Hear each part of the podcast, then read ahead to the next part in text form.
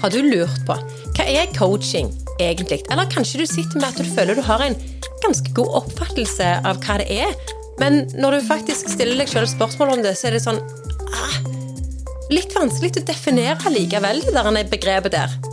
Og hva er NLP-coaching? Og hva er forskjellen på coaching og terapi?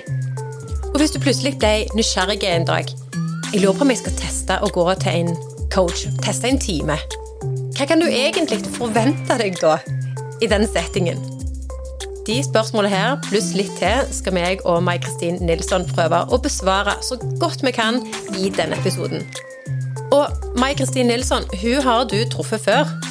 Hvis du hørte på episoden om enagrammet og perfeksjonisten, så traff du henne der. Og det som er bra med å ha med seg en perfeksjonist på denne jobben her, det er at vi kan holde dette her litt konsist. Litt gode eksempler, litt gode historier, sånn at vi gjerne ikke havner langt ut på viddene, sånn som vi kanskje ville gjort hvis det var kun meg som skulle lage denne episoden. Men det vi håper at du sitter igjen med etter denne episoden her, det er at du sitter med en grei forståelse av hva coaching er, og om coaching er noe du kan dra nytte av i din situasjon. Da sitter jeg her med Mai. Nå gleder jeg meg, Mai. For dette her det, er nøye planlagt ned i den minste detalj. Ja, ja, det er det. Lenge. Hva, ja, Hva skal vi snakke om i dag, Mai? Vi skal snakke om coaching. Yay, yay. Noe vi begge to er opptatt av. Ja, og det er jo kjekt. Mm. Men kan ikke du ta en liten sånn en eh, Ok, hva er egentlig coaching, da? Ja, hva er coaching? På nettsida mi så har jeg skrevet at coaching det er en handlingsorientert målprosess. Det vil si at jeg jobber med den som kommer til coaching hos meg, eh, med å definere hva som skal til for at de skal nå målene sine. En handlingsorientert målprosess, Mai. Du kunne ikke funnet på en litt mer folkelig måte å beskrive coaching på. Hva mener du med det? Var det, var det ikke, skal jeg si det på en litt enklere måte, gjerne? Ja, takk. Ja, så ja, kanskje jeg må reformulere den på nettsida mi, da. Mulig det. Men ja, hvordan skal jeg forklare det enkelt, da? Eh, greit fortalt, eh, få et menneske fra A til B. Hva skal til for at vi skal komme fra A til B? Så da eh, spør vi de som eh, kommer til coaching når de kommer inn, hvordan de har det akkurat nå, eller hvor de er akkurat nå, og hvor de ønsker, at, eh, ønsker seg hen, eller hva de ønsker seg. Og litt om hva som er grunnen til at de ikke er der de ønsker å være akkurat nå. Og så begynner vi å kartlegge litt. Hva skal til? Hva ressurser trenger du? Hva trenger du å gjøre konkret? Er det noe du trenger å skaffe deg? Litt sånn, Vi hjelper de å kartlegge på en måte veien fra A til B, da, og hva som skal til for å komme fra A til B. For det klarer de ikke sjøl? Noen står fast, rett og slett, altså. Hvis de eh, Ja, det kan være forskjellige prosesser der de står fast. Holdt, blir holdt fast av en eller annen grunn. Og ofte når vi begynner å kartlegge det, så står de jo fast altså på grunn av Fordi de, de begrenser seg jo sjøl mer enn de er klar over, ofte, i en prosess der de skal komme videre fra A til B, da. Og en sånn typiske A til B kunne vært? Det kan være at du er i en jobbsøkerprosess, f.eks. At du, du, ikke helt tør å ta kontakt med den bedriften som du drømmer om å jobbe i. Det kan være at du ønsker deg annet, en annen tilværelse. At du kanskje, sånn som jeg deg har gjort, ønsker å hoppe av et yrkesliv og starte for seg sjøl. Det kan være at de eh, ønsker å gjøre noe helt annet, rett og slett. Og så tør de ikke helt gi slipp på det de har, eh, for å få til det de ønsker å få til. Eller få ut av livet sitt. Som regel da, så vet jo de som bestiller time hos oss som coach, at det er en differanse. Altså er, de står fast på et punkt. Altså det er en forskjell på A og B, da. Og så vet de ikke helt hva de skal gjøre for å komme seg dit. Og så kan det være lurt å gå til en coach og så få, få eh, ja, snakke om hva det er som holder de igjen, og få sett ting på en litt annen måte. Ja, så egentlig å snu litt på perspektivet og, og, finne ut hva det er egentlig som står i veien? Ja, litt det. Mm. Mm. Ofte kan det være småting som står i veien. Sant? At vi er redde for eh, å eksponere oss sjøl, eller vi er redde for konsekvenser som kan skje i andre enden hvis vi faktisk skulle ta det skrittet da, ut og følge drømmen vår. Så mange er litt sånn uh, det er litt skummelt. Ja. ja. Og det vi skal snakke om i dag, da, det er jo spesifikt NLP-coaching. Så hva er det, da? Nevrolings... Det er ganske vanskelig til å si. Ja, de eh, små bokstaver som er ganske skumle i seg sjøl, ikke sant? Nevrolingvistisk programmering. Nei, det altså N Hva står det for, egentlig? N-en, det står jo for nevro. Og det betyr på norsk at vi har et sett av sanser som vi opplever verden ut ifra. Altså vi har lukt og smak og følelser og sånn. Det har vi jo alle mennesker. Eh, lingvistikk, det står for språk. Eh, det er måten vi snakker på, måten vi kommuniserer på. Og P-en, den står for programmering. Og programmeringen, det betyr enkelt forklart at det, vi har ganske mange måter å takle livet på ut ifra tidligere erfaringer. Altså hvis du har lært deg til en måte å håndtere situasjoner på gjentatte ganger, så, på, så blir det på en måte en autopilot. Så det Du har gjerne opplevd noen ganger, Anette, at du sitter skal kjøre fra A til B, da, i bilen din, og så kommer du fram, og så tenker du Hva vei kjørte jeg egentlig? Hva Tok jeg den med rundkjøringen, eller tok jeg den Hva, hva vei kjørte jeg egentlig? Og da har du kjørt den veien så mange ganger at du registrerer faktisk ikke hva du gjør i bilen. Har du opplevd det noen gang? Det har jeg opplevd mer enn én en gang. Ja.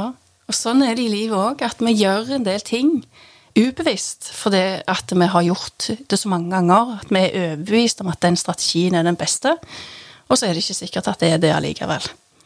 Og du sa, nå sa du strategi. Ja. Ja. Da, dra, dra litt videre på strategi, du.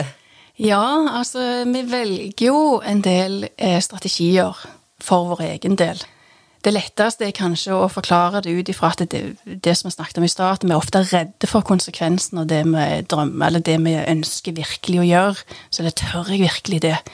Hva vil de tro om meg, og hva vil de tenke, og hva vil konsekvensen være hvis jeg faktisk gjør det som jeg drømmer om innerst, innerst inne? Så er vi litt redde. Og da systemet vårt er lagd sånn at, det, at det, det, det, jobber hele veien for å beskytte oss mot det som vi er redde for. Så da er det noen sånne strategier som ligger bevisst, og det er mange strategier som vi ikke er bevisst på som bare kjører og kjører og kjører. og kjører. Det er autopiloten? Ja, det er autopiloten. Og jeg har jo vært oppi det mange ganger. Så kommer du ut av en situasjon, så tenker du fanken, nå gjorde jeg jo samme igjen. Jeg vet jo at det ikke funker, men det går bare på automatikk. Mm. Og så er det vanskelig å snu det sjøl. Ja. Mm. Det er gjerne det vi opplever. Ja. ja. Og der kan en coach komme inn, vet du. Til å være med og snu litt på det og finne en bedre strategi og finne ut hva var det egentlig dette her handla om. Ja, litt sånn. Ja.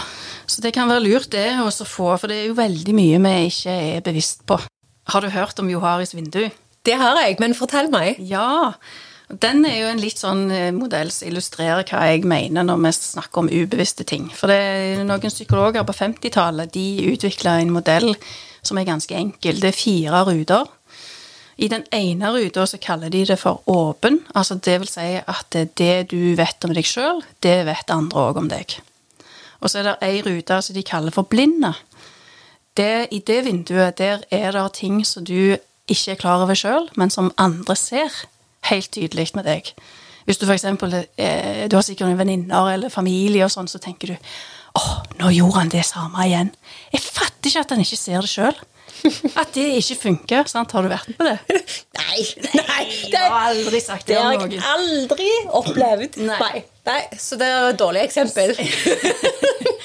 og der er det sånn at det er de tingene som vi ser med andre, som de ikke er klar over sjøl. På det skjulte vinduet så er det det, det jeg vet om meg sjøl, som jeg holder for meg sjøl. Det er bare du vet, og det de andre ikke vet. Og så har du det som er helt ukjent, og det er det du ikke er klar over sjøl, og det de andre heller ikke er klar over. Men det, altså, det blinde punktet er, er, stort, altså hvis det vinduet der er stort, at det du ikke er klar over sjøl, og det andre ser tydelig med deg, hvis det er stor forskjell på det du vet sjøl og det de andre ser, så kan det være grov, grov, altså grunnlag for konflikter. Da, da, da, blir det fort uenigheter. Så det å jobbe med å åpne det åpne feltet, altså det du vet om meg sjøl, og det de andre òg vet om deg, at det er så stort som mulig, det er en, en god strategi. Og hva er egentlig hensikten med det, sånn kort fortalt? Det er å øke selvinnsikten, eh, og så være åpen med omgivelsene dine. Altså for, for til mer de nære relasjonene dine, f.eks. Det kan jo være mange relasjoner. Det kan være på jobb. Si en leder og en medarbeider. Til mer ledere og medarbeidere vet om hverandre, til bedre grunnlag er det for samarbeid. Og i en familie òg. Til mer vi vet om hverandre. Sant? Nå vet jeg at hun trekker seg vekk fordi hun har behov for det. Istedenfor at det er jeg som har behov for å snakke, springer etter den som har behov for å trekke seg vekk. da blir det lett uenighet. Det kan fort bli litt slitsomt. Det kan fort bli litt slitsomt. Ja. Og så nevnte du bare så vidt, så sa du selvinnsikt. Ja. Hva skal du nå med det, da? Altså, det er, mange, altså, det er et utsagn som jeg syns er veldig veldig fint. Det er han, det er en amerikansk president, Roosevelt, han sa det. Den største nøkkelen til suksess det er å vite hvordan du sjøl blir oppfatta i relasjon til andre. Det er ganske godt eh, sitat, syns jeg. For det at til mer du er bevisst på din egen måte å håndtere forskjellige ting på, til mer du vet om deg sjøl, eh, til lettere er det å omgås på en god måte med andre Eh, mennesker i alle relasjoner. Familie, jobben, vennegjengen, fotballaget, altså ja, you name it. Så, så, til mer vi vet om oss sjøl, til, til, større det åpne feltet da, som jeg snakket om i det vinduet, til mer vi vet om oss sjøl, og til mer de andre vet om oss, til større eh, grunnlag er det for et godt og produktivt samarbeid. Men så har vi jo dette med forskjellen da på terapi og coaching, for det kan jo òg være litt forvirrende. Hva er, altså, hva er egentlig forskjellen på terapi og coaching? Ja, det er et godt spørsmål. Stort spørsmål. Men enkelt forklart så tenker coachen jobber framover, og terapeuten jobber ofte i historien, altså bakover. Så det er den enkleste måten å forklare det på. Eh, terapi eh, det kan jo bety forskjellig for forskjellige folk. Så for meg, for eksempel, så forbinder jeg terapi med helserelaterte ting, f.eks. At du kanskje går i terapi for å behandle og bli friske fra en tilstand. Mens eh, coaching, eh, coaching da snakker vi om hvor, hvor vil jeg hen, og hva skal til for å komme dit. Og så sier jo i forhold til NLP-en, da, så sier man jo gjerne at NLP har terapeutiske teknikker. Mm. Kan du forklare litt om det? Det kan jeg, vet du. For det er jo en uh, utdannelse vi tar når vi blir sertifisert som NLP practitioner eller NLP master practitioner, alt etter sånn så lærer vi jo en del teknikker for å hjelpe eh, coachien, som vi kaller det for i teorien, fra A til B. Og hvis det er ting som ligger i ryggsekken, altså i fortida, som tynger deg og begrenser deg i å komme videre, så kan vi godt være med og se på de tingene som har skjedd tidligere i tid, for oss å kanskje se på det med litt nye øyne. Sånn at du kan bevege deg videre med en lettere ryggsekk, da, eller? Ja, ja. Ryggsekken er jo en grei metafor, for vi har jo alle en bagasje. Altså, og den, eh, den, bagasjen, eller den ryggsekken, pakkes jo i løpet av et langt liv. Jeg har iallfall levd et langt liv. Det er sikkert ikke alle lytterne som altså, Så kan du snakke for deg sjøl, da, sant vel? Det... Men eh, poenget er at vi pakker den ryggsekken i løpet av livet med erfaringer og sånn, og noen erfaringer er tyngre enn andre. Så det kan være greit å få hjelp til å rydde litt i ryggsekken, og kanskje hive av de tyngste steinene. Så nå vet vi jo forskjellen, altså det er den store forskjellen mellom terapi og coaching.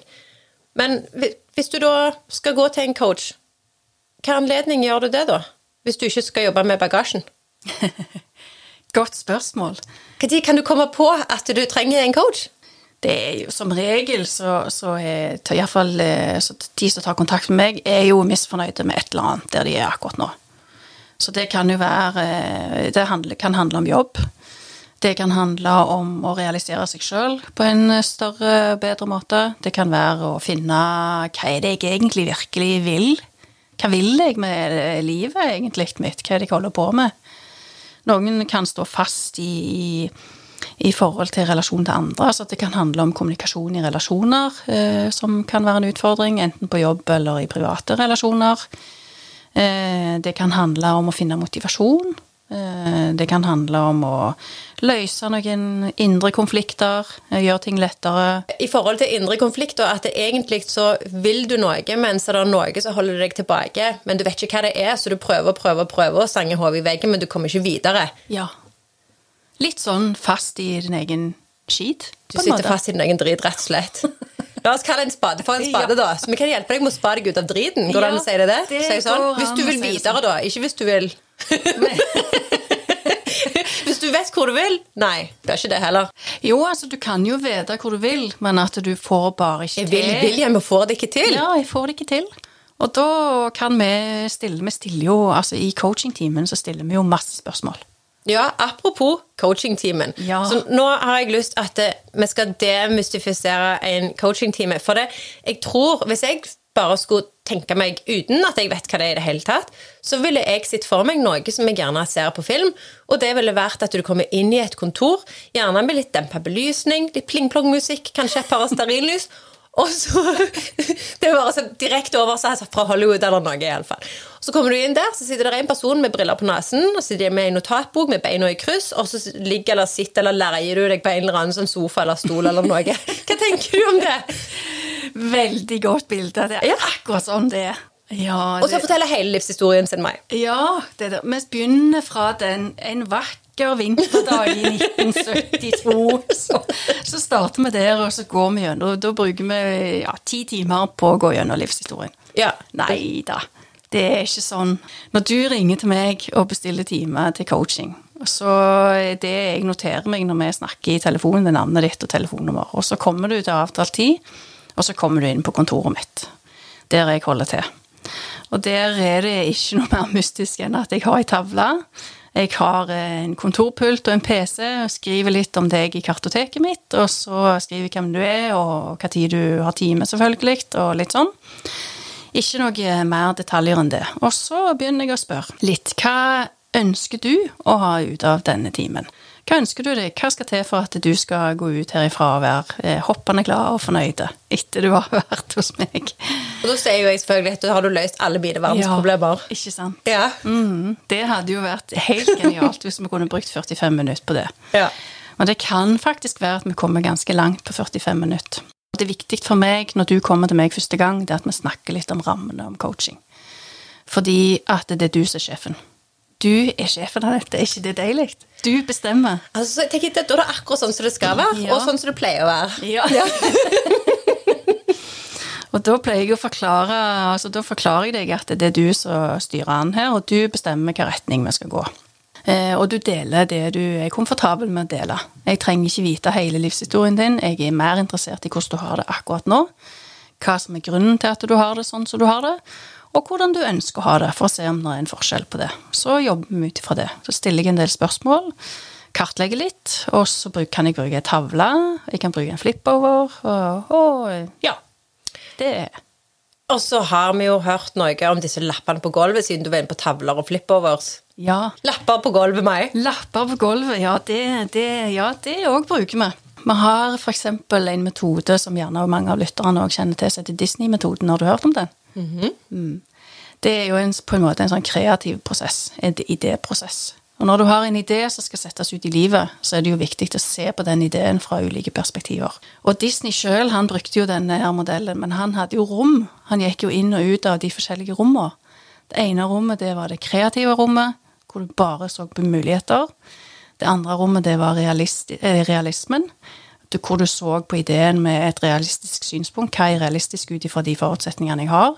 Og det siste rommet, der var det lov å være kritiske. Det kritiske rommet. Så der kunne du være litt sånn djevelens advokat. Kan du egentlig dette? Klarer du egentlig dette? Så i sted, altså hos meg så er det ikke så stort hus at jeg kan ha forskjellige rom, så da bruker jeg lapper. Og da legger jeg de rommene, illustrerer jeg med lapper, og så legger jeg de på gulvet. Så når min eh, kunde eller coachee eller hva du kaller det, kommer til meg og skal belyse en idé, så er jeg ok, nå går vi inn i det kreative rommet, og så ser vi bare muligheter. Og det er ganske greit å skille, for da, for da klarer den som blir coacha, å skille de forskjellige eh, synspunktene fra hverandre på en mye lettere måte. For det at hvis du er i en kreativ prosess og ikke tar hensyn til de tre forskjellige elementene, den kreative delen, den realistiske delen, men òg den kritiske delen Hvis du ikke klarer det, så er det ikke sikkert at det blir noe av ideen din i det hele tatt. For hvis du bare ser kritikk, så tør du jo ikke. Og det er jo gjerne noe man fort begynner med. Med en gang du har fått deg en idé, Ja. og så er du helt du er i himmelen og bare oh, kjempegod idé, og så kommer realisten.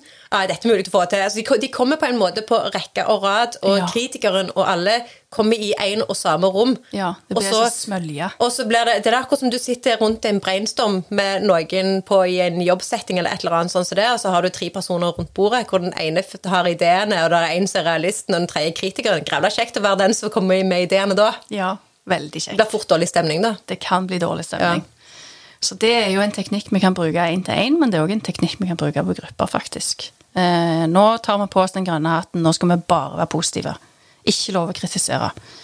Bare for på en måte også å stimulere til den kreative prosessen som dette egentlig handler om, da. Så, så det Lapper er ganske effektfullt for å skifte fokus. Og apropos skifte fokus, for der òg føler jeg at det er noe som vi gjerne kunne ha snakket litt om. Og det er jo det med skifte fokus og skifte perspektiver, og effekten det kan ha. For det er jo typisk i mange, siden vi nå snakket om en litt sånn en coachingteknikk eller en metode som, eh, som eh, man gjerne da har modellert, så det heter, fra han her Disney-duden. Så har vi jo gjerne ulike perspektiver og øvelser som en kan gjøre for å få mer effekt ut av de, de endringene i perspektiv. Over til meg. Det er sant. Øvelser. Det, meg og deg har jo gått coaching, altså NLP-coach begge to, og jeg husker jo godt de øvelsene. Det var jo eh, Altså, eh, effekten av enkelte av de var jo bare helt eh, magisk. Så jeg husker eh, spesielt så husker jeg en øvelse som heter mentormetoden. Og den hadde stor effekt på meg, husker jeg, og de som gikk eh, på coachingskolen sammen med oss. Da, det, da bruker vi, også- kan vi òg bruke lapper.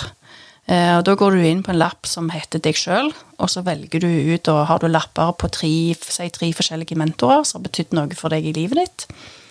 Og så begynner vi å snakke om de tingene som vi sier som er negative til oss sjøl. Dette handler om hvor negative altså, For vi snakker jo utrolig mye stygt til oss sjøl. Det syns jeg er helt Og, og inklusiv meg sjøl. Jeg tar meg i det mange ganger at jeg snakker meg sjøl ned, altså.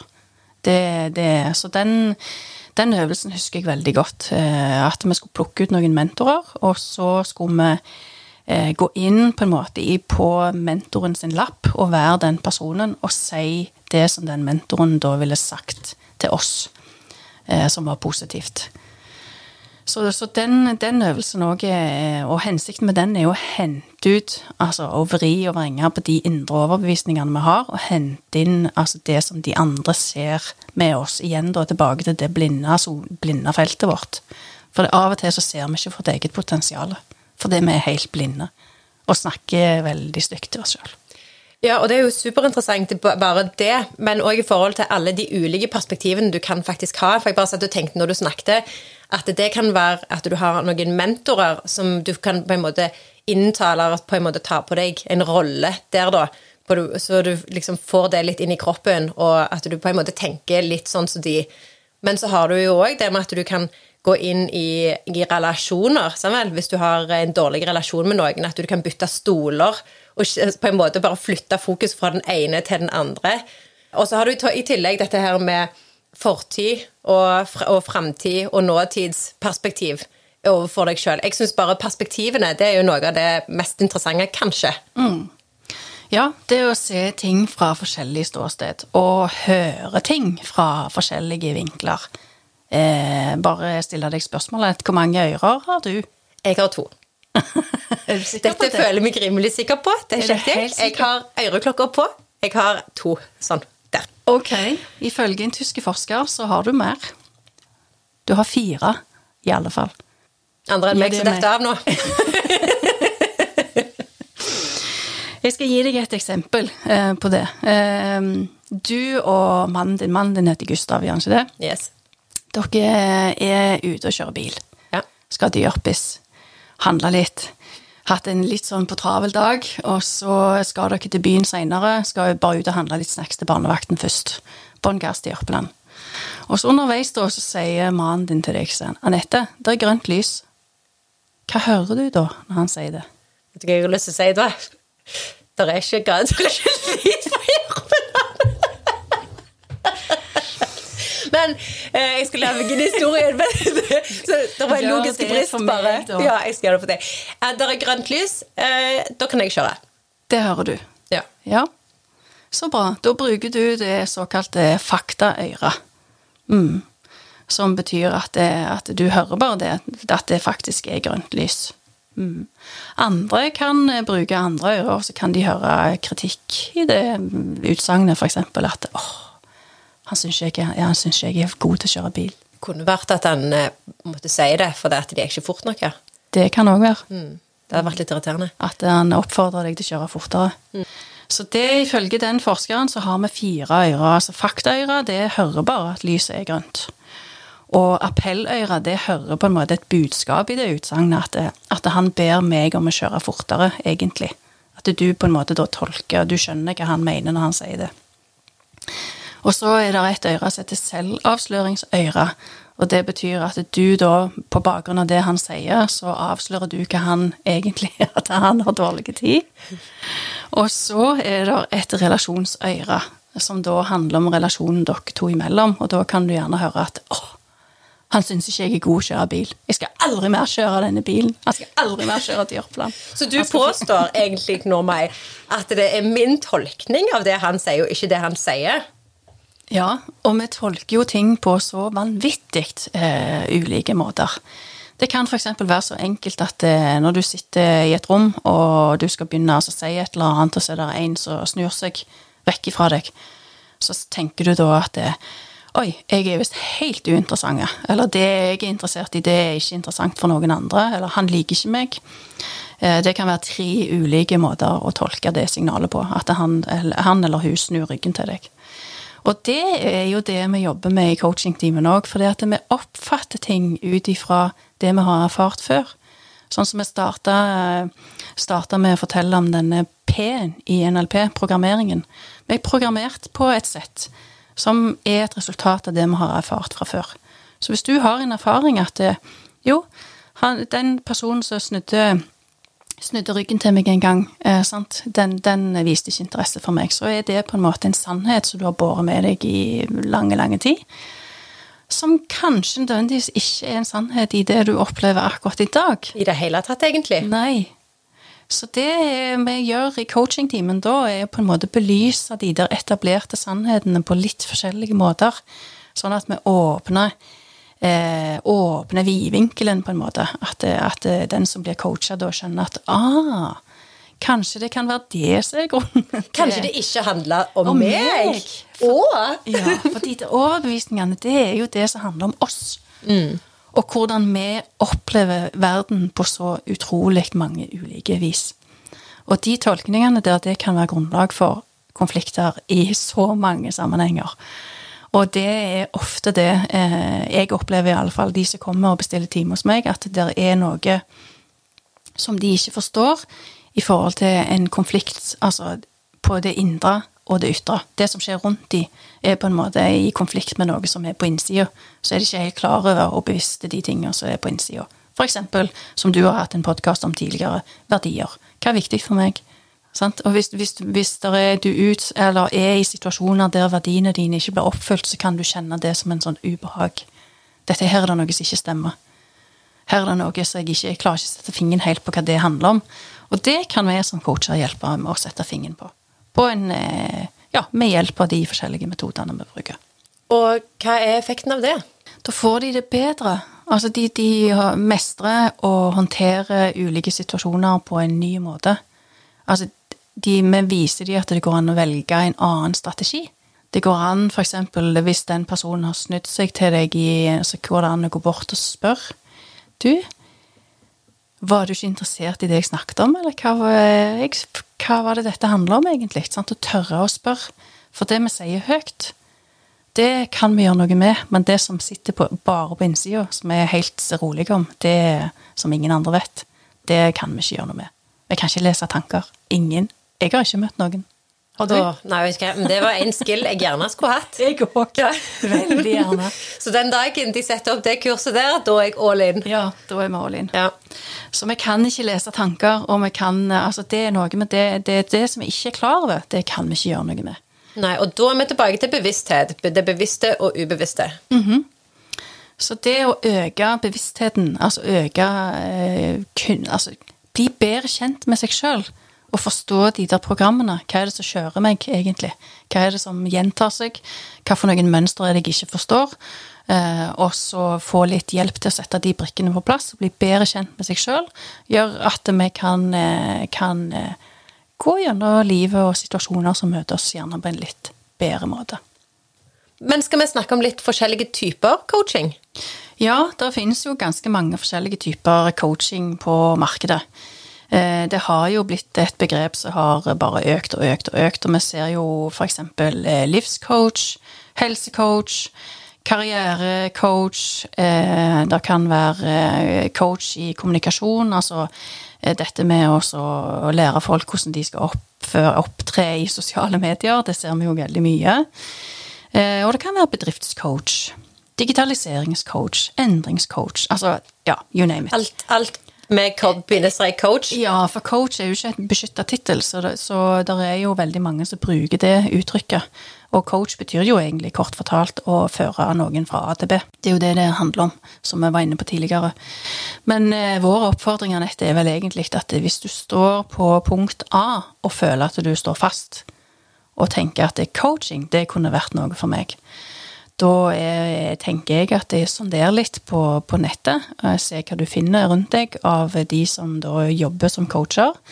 Tenk litt igjennom hva problemstilling er det du ønsker å belyse, og gjør litt research på den coachen du velger.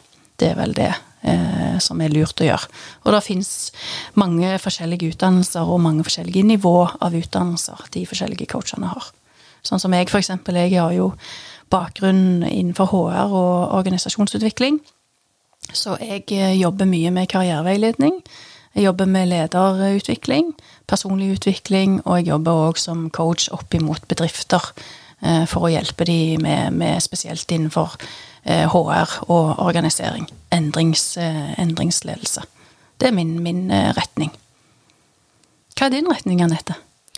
Du, jeg har nok en litt Jeg er veldig spissa der. Men jeg er altså ekstremt opptatt av at eh, man skal leve opp til sitt fulle potensial. For jeg er jo, sånn som vi har snakket om tidligere, en syver. Og da, kanskje ikke akkurat tidligere i dag, men tidligere på denne podkasten. Og for meg å kunne personlig se tilbake at jeg har gjort de tinga som jeg drømte om, er ekstremt viktig. At jeg skal kunne sitte med noen unger på fanget når jeg blir eldre, skal ikke si gamle, for det kan hende jeg er per definisjon allerede, men at jeg skal kunne sitte og si at jeg gjorde det.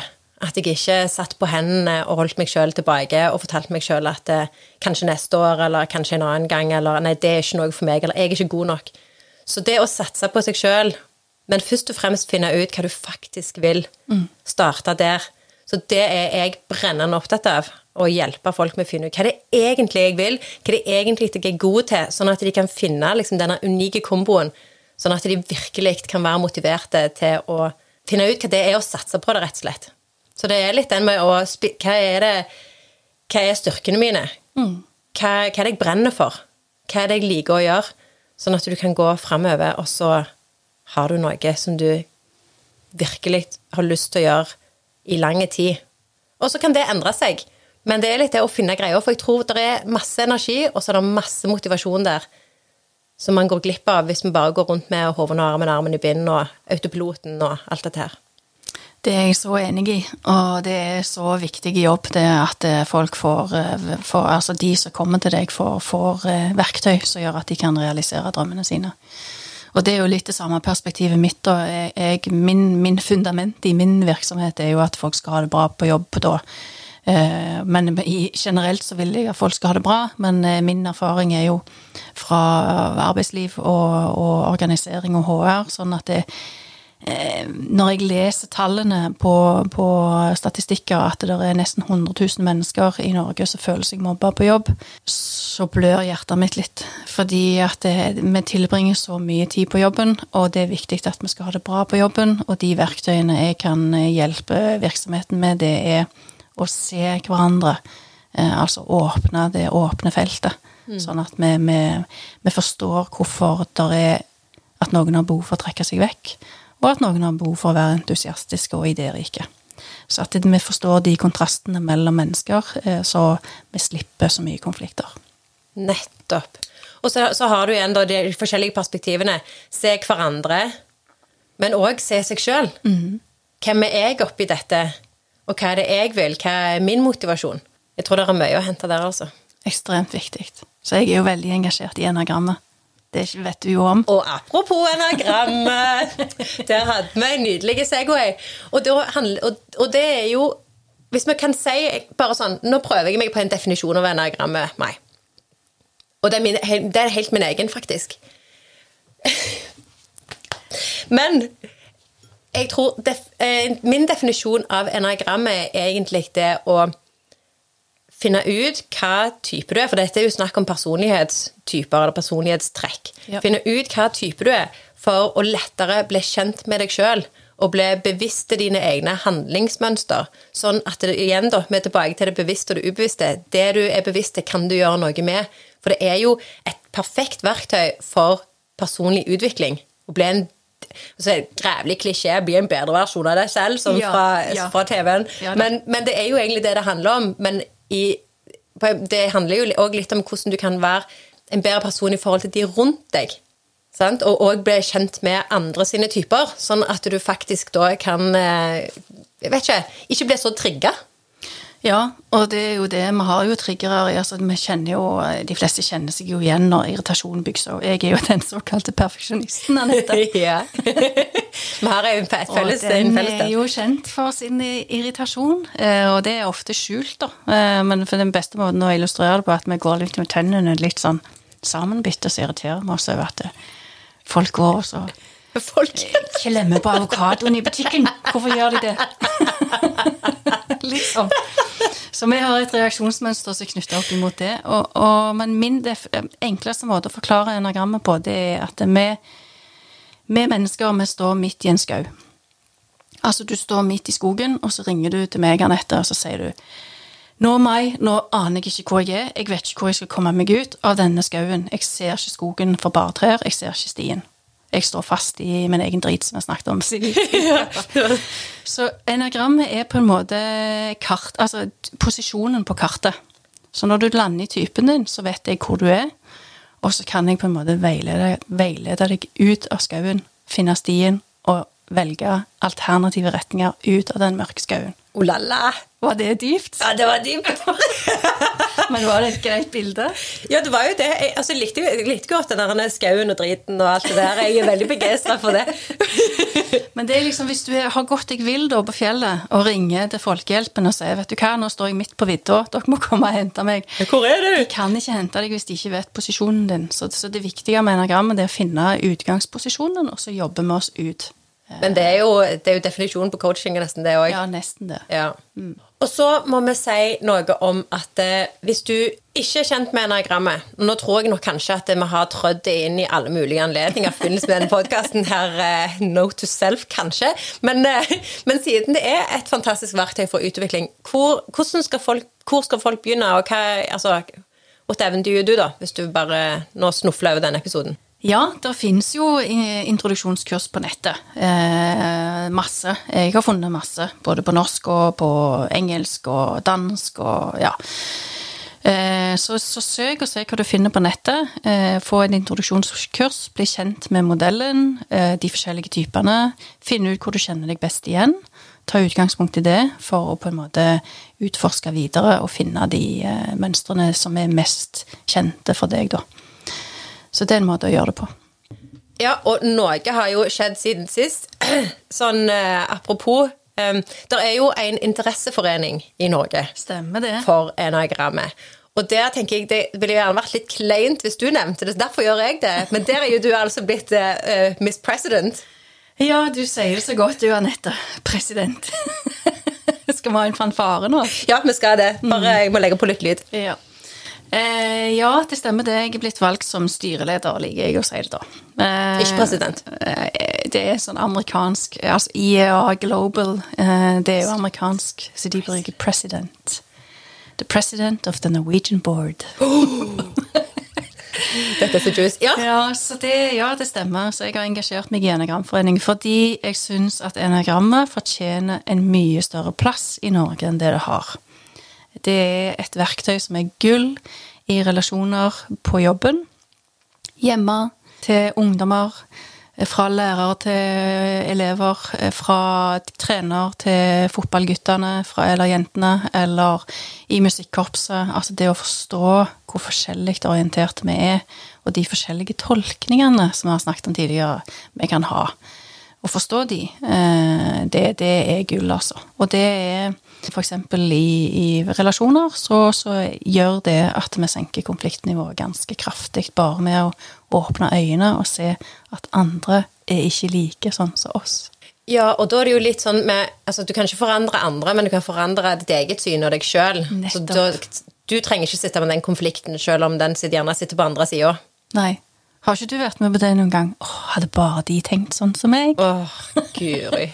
Så enagrammet er en god eh, En kjempegod modell som forklarer hvorfor eh, vi er så forskjellige. Så. Da har vi trådt inn med anagrammet i denne episoden òg. Følte, følte du at vi har dekket det nå? Jeg føler, jeg føler, det. Du får klippe det, så det ikke blir for mye. Det må ikke bli for mye. Det må ikke.